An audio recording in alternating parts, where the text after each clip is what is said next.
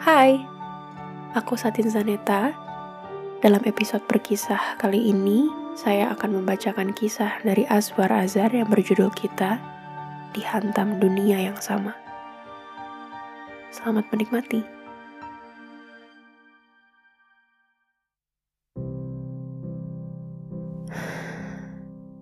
Mengapa dunia tidak pernah bosan menghantam kehidupanku? Saat perjalanan menuju seperempat abad, sebuah masa yang kata orang-orang penuh dengan tanggung jawab dan bebas menentukan pilihannya untuk menjadi apa dan siapa. Mengapa dunia malah menghampiriku dengan kilau mutiara berisi keraguan dan tanda tanya?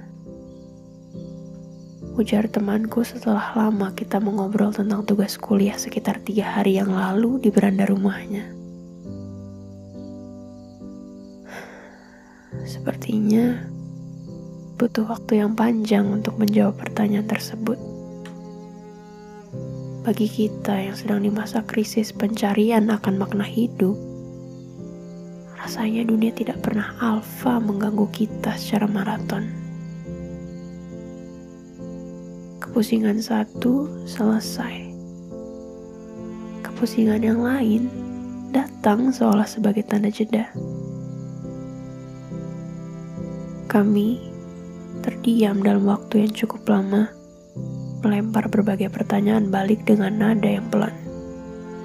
Suara televisi dari ruang tamu terdengar lebih besar dari suara kami berdua. Lalu, yang mana yang harus kita dahulukan saat ini? Keluarga, cinta, atau cita-cita? Temanku menimpali lagi dengan tangkasnya. Pertanyaan satu belum terjawab.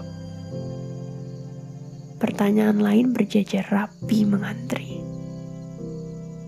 Jangan-jangan benar kata orang, masa muda itu masa yang berapi-api.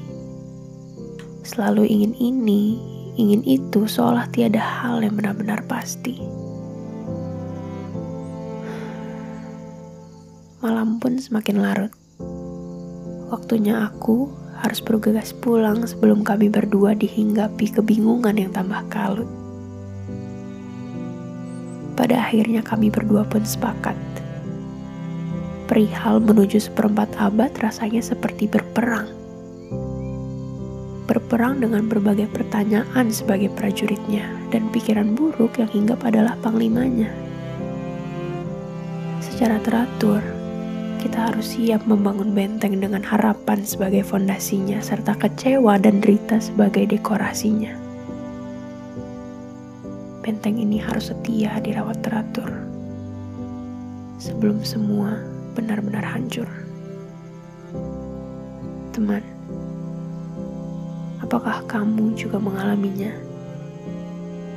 Untuk segala tanya yang belum ada jawabnya untuk segala lari tanpa jeda, untuk segala kecewa yang jadi tawa,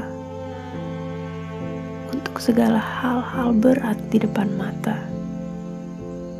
untuk segala cita-cita yang mungkin berubah nantinya.